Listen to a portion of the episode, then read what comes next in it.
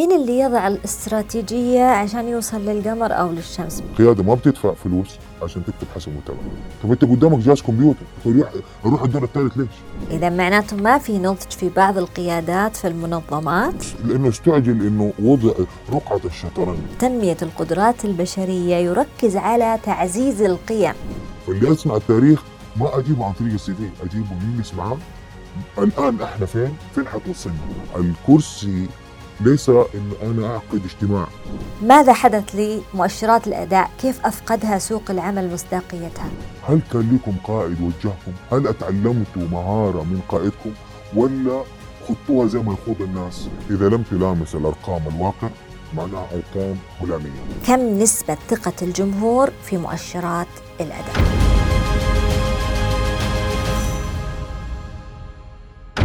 أديك مثال للقدرات.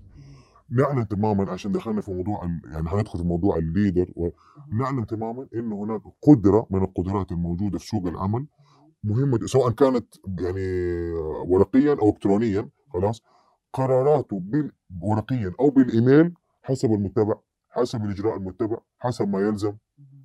وهي إذا المنصب ده كبيره في اليوم ينكتب تيت ثلاثة جمل معناه كله حيصير كله يكتب حسب ما يلزم حسب المتبع حسب الإجراء.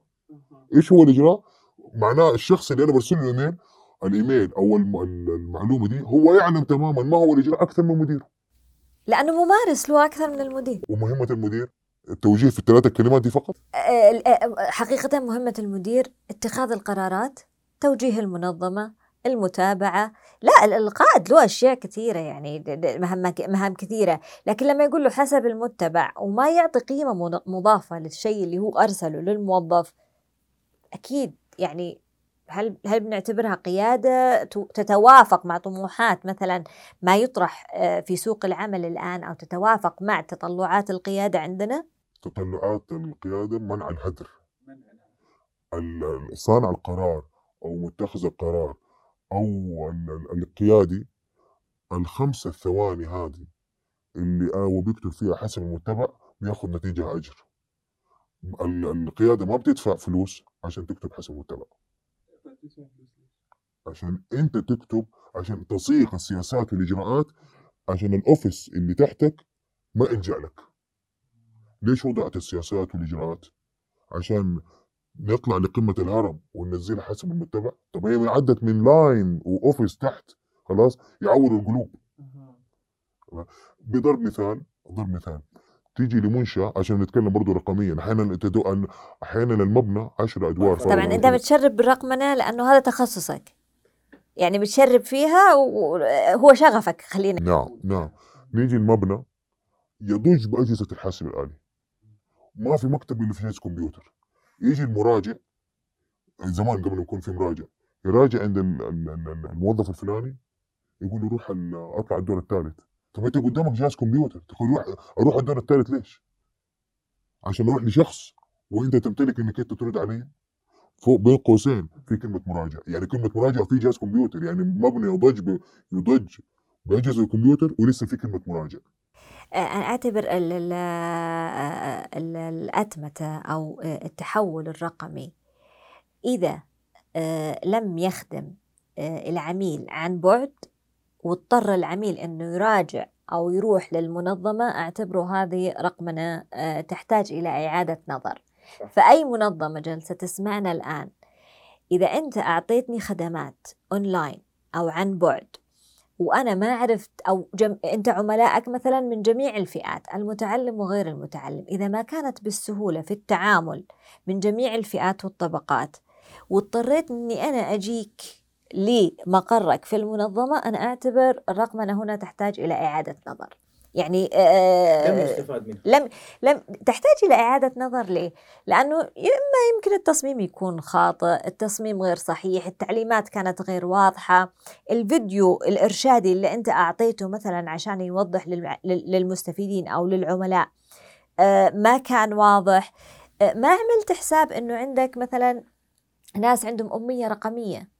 صح كل ال- ال- ال- الفئات المجتمع أو كل الأفراد يستخدمون اللي هو الأجهزة الذكية لكن في عندنا كبار في السن صعب إنهم يستخدموها أو مع إنه في الآن الحمد لله في بعضهم لا آه، طور من أدواته لكن مثلا في شيبان خلينا نقول أو عجز تشوفهم في البنك أحيانا الموظفة اللي تدخل لها على حسابها وتحط الرقم السري وهذا في مخاطرة عالية أنا أشوفها. طيب نيجي برضو على موضوع نتعنصر رقميا. الرقمنة والأتمتة حلت مشاكل لوجستية الآن لما لما أنت دكتورة من بيتك بتسوي المعاملة وإكس يسوي المعاملة من بيته وفرت عليك وقت إنك تشغلي سيارتك وتروحي المبنى وحتكوني فين؟ لوجستيا. عشان توصلي للمقر والجهة اللي أنت تروحيها حتكوني في في الطريق. كم هي وهي تنقاس بالماس كم ألف يبغوا يعملوا نفس العملية اللي أنت بتعمليها. لكن وانس إنه صارت في أتمتة عندي ألف شخص يبغى يعمل نفس ال actions اللي بتسويه الدكتور عمله في البيت. فلوجستيا أنا فضيت الطريق لمين؟ اللي انت قلتي عليه العاجز العاجز. ل- مثلا كبار السن اللي ما عندهم قدرة على مم. ما يلاقي الدنيا؟ وتضج بالبشر والناس. هذا جانب مهم يعني. بس أحيانا آه، مثلا لما أشوف كبيرات السن في البنك إنه الموظف أو أو كبار السن الموظف مثلا يدخل لهم على حساباتهم ويبدأ يحط لهم كلمة سر أنا أشوف فيها مغامرة أو مخاطرة عالية. فعشان كذا ال- ال- ال- الرقمنه لازم تستجيب إلى جميع ال- الفئات. أنا ما أدري هذه من وجهة نظري بحيث إنها تحافظ على البيانات في مأمن أو لجميع العملاء يكونوا في مأمن. نرجع نتكلم عن القادة. إحنا بالبداية تكلمنا عن الفجوة بين ال- ال- ال- الجانب الاستراتيجي والجانب التشغيلي. كله بيشتكي من كله على قولتهم. القائد يجي يقول لك أنا عندي الموظفين غير أكفاء أو كبار في السن expired أو صغار شباب ما هم عارفين الشغل إلى آخره ودائم الشكوى. نجي للموظفين الموجودين يقول أنا كفؤ وعندي كفاءة وإما قاعدوني أو إما طردوني أو إما ما أعطوني قيمتي علما أنه بهرم ماسلو اللي هو آه، من أعلى الدرجات ال- أو الحاجات اللي يبحث عنها الموظف هي تقدير الذات والاحترام في بيئة العمل. يعني هذه من خلال الدراسة اللي أجراها ماسلو. آه، إلى أي مدى البيئات العمل عندنا تحقق هذه الحاجة لدى الموظفين. وليش نشوف في فجوة كبيرة بين القيادات في المنظمات وبين الموظفين؟ طيب نتكلم فيما يخص الاستراتيجية. هناك نوعين من الاستراتيجيات.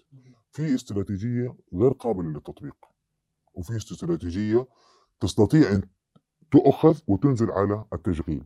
استراتيجية غير قابلة للتطبيق ضرب مثال. أنا ممكن نعمل استراتيجية كيف نصل للقمر؟ بس مستحيل نسوي استراتيجية كيف نصل إلى الشمس مهما وضعنا من خطط مستحيل.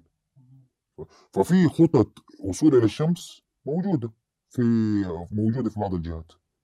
لكن الخطط الاستراتيجية اللي هي كيف وصول القمر لما تنزل وتسقط على البيئة التشغيلية نج- تجد في كوادر تستطيع أن تستقرئ هذه تشغيليا تستطيع أن تشتغلها. نيجي لدور القائد. القائد مهمته يستقرئ الاستراتيجية وينزلها على النمط واللير التشغيلي. عشان كده بنشوف في رؤساء تنفيذيين يستطيع لديه من الكفاءة أن يتكلم مع البورد كمجلس إدارة ويتكلم مع القطاع التنفيذي التشغيلي. كل بلغة اللي تناسبه يعني كل واحد يناسب يخاطب اللي هو مجلس الإدارة بلغتهم ويخاطب التشغيليين بلغتهم. هذا. القائد. أها. يعني القائد هو مهمة ما هي سهلة. إنك أنت تتكلمي مع مجلس إدارة هو مشرع. مجلس الإدارة ليس منفذ. مجلس الإدارة مشرع. ويأخذ كل توصيات مجلس الإدارة من قرارات تش- تشريعية إلى أمور تشغيلية هو يعلمها القائد هو الرئيس التنفيذي طب نرجع للبداية. مين اللي يضع الاستراتيجية عشان يوصل للقمر أو للشمس؟ من الذي يضع الاستراتيجية؟ طيب هي أساسا إيش الاستراتيجية؟ هي الاستراتيجيه إنه أنا عندي مرحلة أبغى أوصل لها. الطريق هم يسموه الاستراتيجية. أنا بدي أوصل مو هي رؤية ورسالة، رؤيتي إني أنا بدي أوصل للمكان الفلاني، هدفي الأشياء بدي أحققها عبر برامج موجودة تحت مبادرات.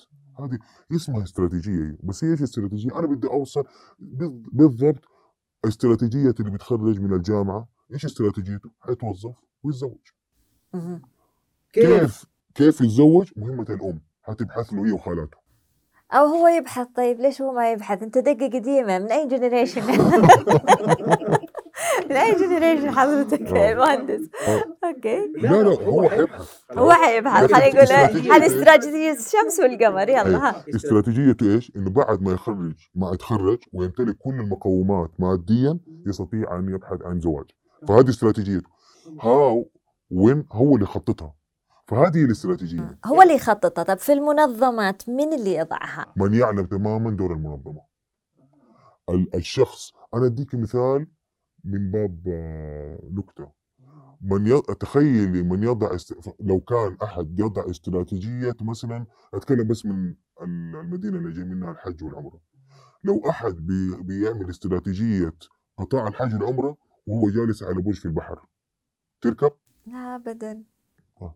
فمن يعلم تماما الميزة التنافسية ومن يعلم تماما المنشأة خلاص زي كده استقراء المنشأة وفهم المنشأة أهم دور. يعلم تماما هو بيخدم فئه منشأة يعلم تماما المنشأة دي مخرجاتها مين المستفيدين منها فيعرف يضع استراتيجيتها ويعرف مين الستيك هولدرز وأصحاب المصلحة في هذه المنشأة. إنه، آه، أهل مكة أدرى بشعابها. يعني اللي يضع الاستراتيجية لازم يشارك جميع من في المنظمة ويكونوا عارفين كيف يطبقوها. طيب ليش نجد أنه في بعض القيادات ضعيفة في المنظمات؟ لا تقنع الكفاءات اللي تشتغل معاها. لأنه استعجل إنه وضع رقعة الشطرنج إذا لم توضع في مكانها الصحيحه خلاص بقت بخسارة في الجيم؟ رقعه الشطرنج لو تعامل معاها بعاطفة وقلنا يعني حزنا عن الملك إنه يكون في صف ثاني وما يصير ولازم يعطي حقه يكون أول الصف ال- الشكمة هذه حتيجي من أول مرة أها أيوة. إذا معناته ما في نضج في بعض القيادات في المنظمات آه هذا يعني ما في نضج أحيانا ما في يمكن كفاءة آه أحيانا آه، يكون استعجل عليه مثلا ووضع أو الاختيار مثلا لم يكن مثلا دقيق. آه، أتذكر قلت لي مثال حلو إحنا قاعدين نحضر إنه اللي في الصف الأخير في الفصل أحيانا هو من يتقلد القيادة لسبب أو لآخر.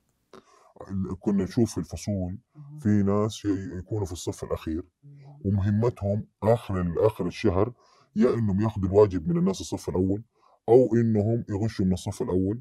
ودي مهمتهم فلنا نتخيل الناس اللي عندهم قدرات الصف الأخير أصبح هم اللي يديروا. ما هم هم في كل حياتهم ما بيديروا ناس في الصف الأول. الصف الأول موجودين أصلا متسارعين في أماكن أخرى.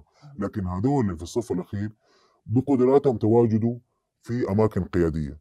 فاستدراكهم للمتغيرات وظروف ال- ال- ال- ال- التايتل اللي هم يشغلوه خلاص بعيد تماما.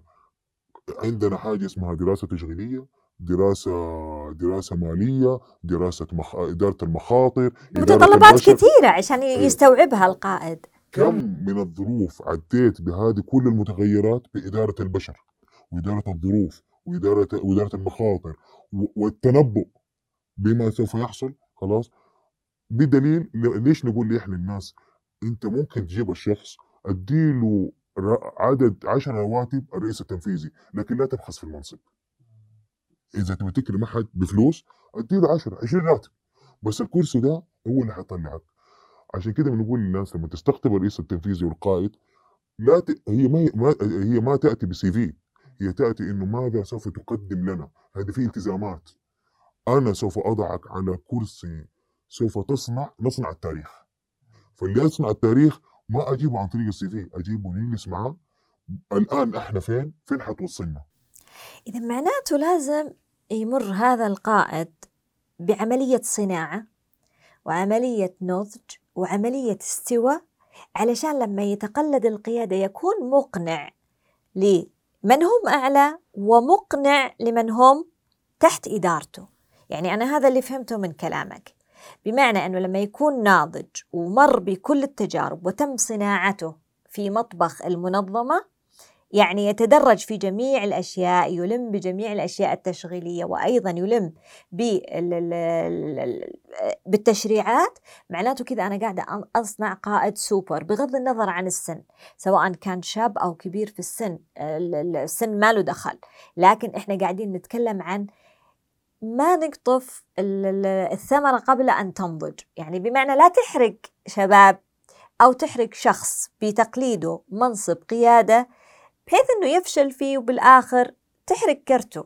لأنه الشاب إذا اديتي له ال title المنصب بدري عن أوانه خلاص حيدخل في مرحلة اسمها سكر المنصب سكر الكرسي. أها. ويتناسى تماما ينتشي. ينتشي. وينت- وينسى تماما متطلبات هذا الكرسي. فالانتشاء ده حياخد فترة من الزمن حيلاقي انتقادات حيلاقي آه، بعض المتغيرات وال- والأخطاء. آه، الناس اللي تحته ممكن يكون عندهم ولاء فيسندوه لكن في ناس ما عندهم ولاء ليه؟ فبالعكس حيتسارعوا إن هم يطيحوه. يسقطوا إيه، صحيح. يسقطوه. فعشان كده لا تسعى إنك أنت تاخذ منصب وأنت قدراتك وعضلاتك التشغيلية لا تتناسب مع هذا المنصب ولا هذا الكرسي. الكرسي ليس إنه أنا أعقد اجتماع ولا إني أفتح رابط زوم ولا آه، إيش رأيك بعدد الاجتماعات اللي يعقدوها رؤساء المنظمات هالأيام؟ أنا من ثقافة كنا زمان لما نفتح يعني نبدأ مشروع بإيميل واحد نبدأ المشروع وما نعقد اجتماع إلا في ثلاث ظروف. ابتداء المشروع ومباركته المناقشة ال- ال- ال- ال- ظروف المشروع إذا كان في طرأ أي ظروف طارئة على المشروع كإدارة أزمة ويتفعل المشروع. بس؟ بس. ال inbox في الإيميل كنا نلاقي inbox inbox inbox calendar. الآن calendar calendar calendar inbox مواعيد اجتماعات يعني- وبعدين إيميل. يعني لو صارت يعني صح التعبير لو كشف الحجاب عننا ماذا يحصل في ال cloud في السحابة نلاقي ناس بتجري كلها اجتماعات طب وبالآخر المنجزات تتح... هل قد عدد المنجزات تعكس هذا القدر من الاجتماعات؟ متى بيشتغل؟ هو السؤال متى بيشتغل؟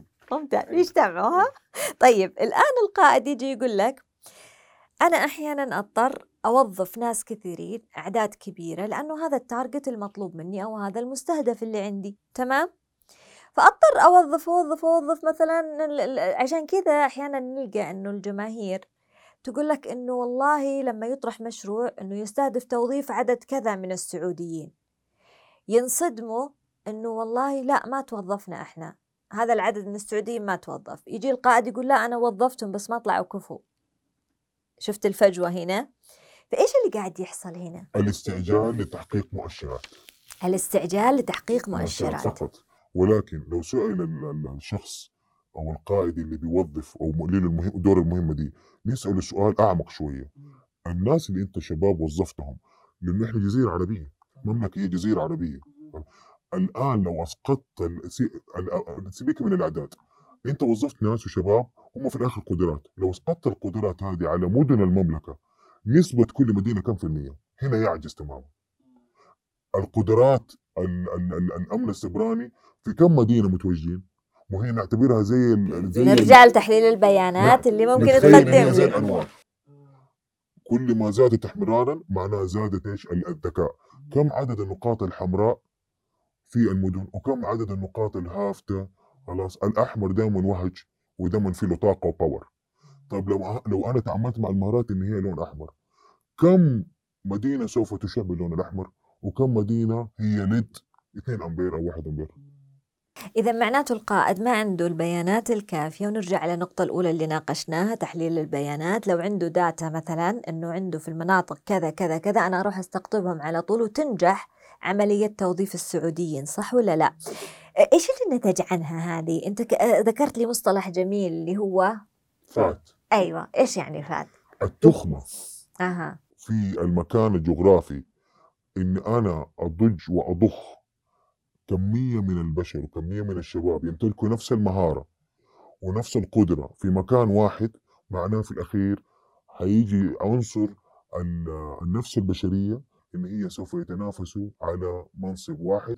وهذا اللي ينتج منه إنه يكون في عندي صراعات عندي عدم في أخلاقية ما أنا بدي أوصل للمنصب وفي عشر على اللاين فمين اللي يفوز؟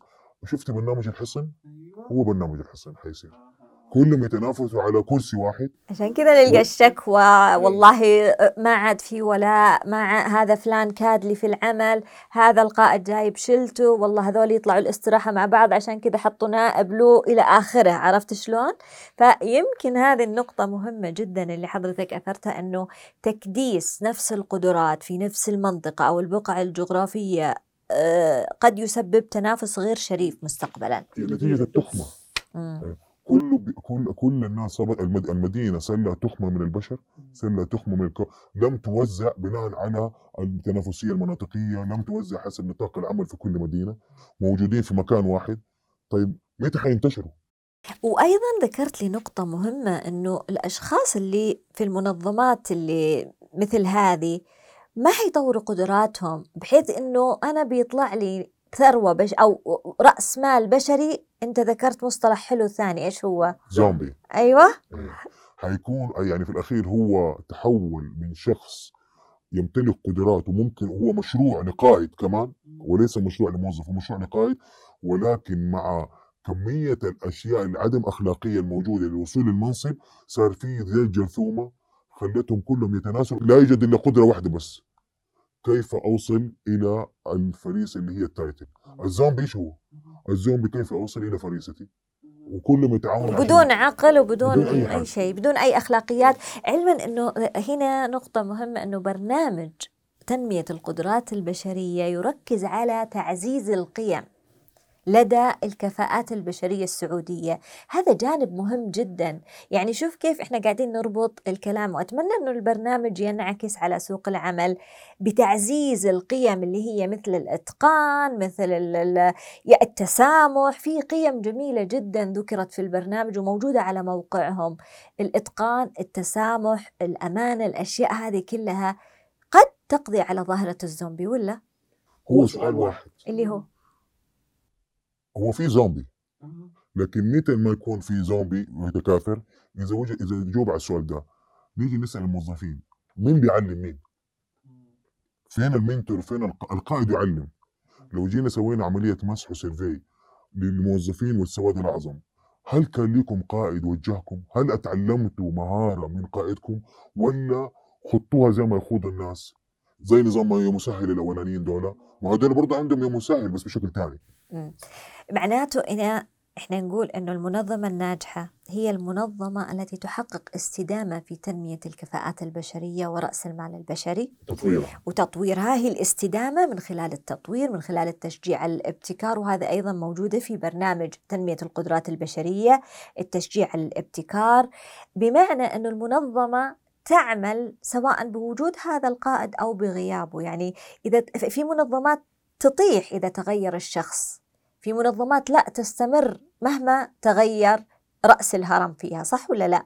المنشآت التي تعتمد على البشر البشر يزولوا يز... والكيان يبقى الكيانات هي التي تبقى وشعارات الكيانات واللغات هي التي تبقى وهل يوجد عندنا صناعة كيانات إحنا ولا هل هي ولا مرتبطة أيضا بالأشخاص؟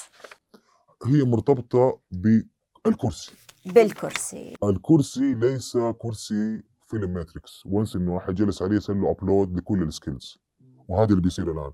القائد once انه آه، يمكن بعض المتلقين ما يعرفوا إنجليزي بس لو تشرحها بالعربي هذه.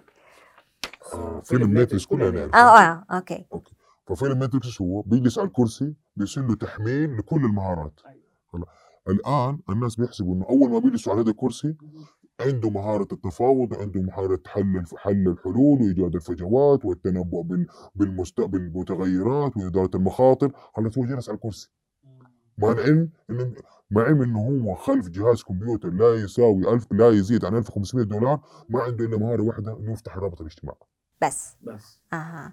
طيب خلينا نرجع هنا برضو نقطة مهمة قبل لا ننهي حديثنا الشيق جدا. أنا ما ودي إنه ينتهي بس تقديرا لظرفك آه ذكرت قبل شوي أنا إنه في بعض المنظمات عندها target تحققه أو مستهدف تحققه. هذا يرجعني على آه، أسطورة أو آه، آه، آه، مو أسطورة اللي هي ما يروى عن ال KPIs أو مؤشرات الأداء. وكيف تم تحطيمها على صخرة بعض المنظمات وعلى أيدي بعض القيادات؟ ماذا حدث لمؤشرات الأداء؟ كيف أفقدها سوق العمل مصداقيتها؟ قبل مصداقية المؤشرات الأداء وال KPI لو نلاحظ زمان كانت الناس فرحانة بكلمة أنا عندي استراتيجية بعدها صارت الكلمة شوية مملة. ال KPI كانت مؤشرات جميلة وأرقام و dashboard ولوحة من قواعد البيانات لذيذة. بدأت تخش في عملية عدم الإقناع. ليش؟ هذه نقطة مهمة لأنه أحيانا لما نناقش الشباب نقول لهم طيب الأرقام الصادرة عن ال- ال- المنظمة الفلانية المعتمدة لدى الدولة تقول لك ما تقنعني الأرقام هذه كلها كذب. يقول لك طب كاتبين لك المنهجية كيف وصلوا للأرقام؟ تقول لك لا ما تقنعني هذه. هذه تصير بعض الحوارات مع الشباب لما أدخل موقع تو أو موقع تويتر تصير هذه تقول لك الأرقام حقتك هذه ما تقنعني. إذا لم تلامس الأرقام الواقع معناها أرقام هلامية.